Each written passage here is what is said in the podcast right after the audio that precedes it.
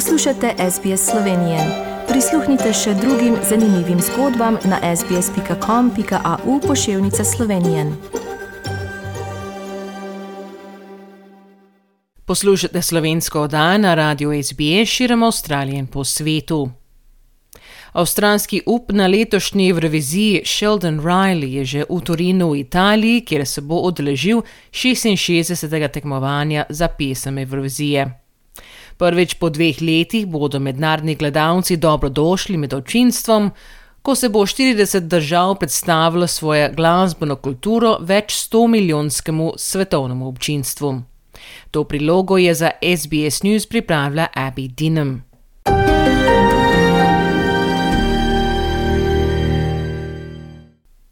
Sheldon Riley ni tujec v središču pozornosti. Pri 17 letih je bil izbran za avstralski X Factor. Dve leti pozneje je osvajal srca na oddaji The Voice, medtem ko je sanjal o mednarodnem prvencu. Zdaj, ko je star 23 let, pa bo kmalo uresničil svojo življenjsko ambicijo, da bi tekmoval za pesem Evrovizije. I'm very excited. I'm, I'm super honored to be representing the country. Uh, it's, it's, it's been the biggest dream for the longest time. So, um, yeah, it's, it's still a little unbelievable for me. Ko je odraščal v javnih stanovanjih na zahodu Sydneja, so mu že od malih nog govorili, da zaradi svoje neune raznovrstnosti ne bo veliko dosegel. Six, nine, and twelve, actually, they had to tell me three times that I had I was on the spectrum, and um, you know, being told for a long time that I wouldn't be able to execute myself as a normal functioning human being, or get work, or have friends, or meet a partner.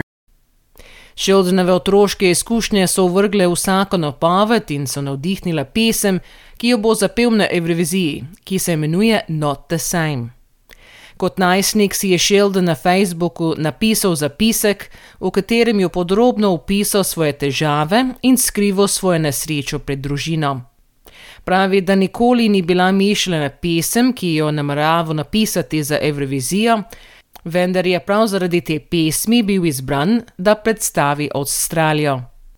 Sheldon pravi, da je od prvega ogleda Evrovizije idealiziral tekmovanje kot varno zatočišče za samo izražanje, mesto, kjer je lahko resnično pristen.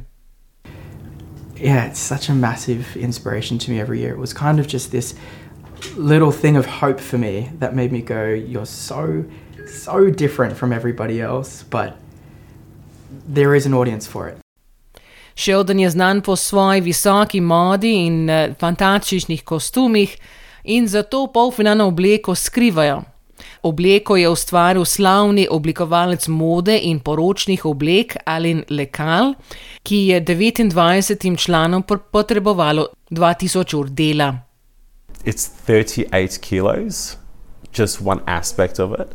Um, collectively, it's about 40 kilos.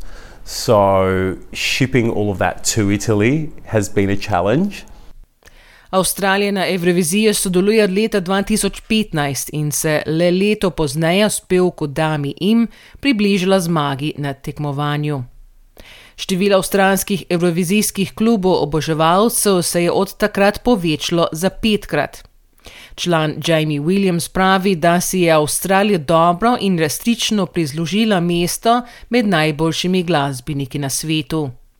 From, from the start, Guy Sebastian finishing top five just really proved that Australia wants to be there. We want to bring the best music.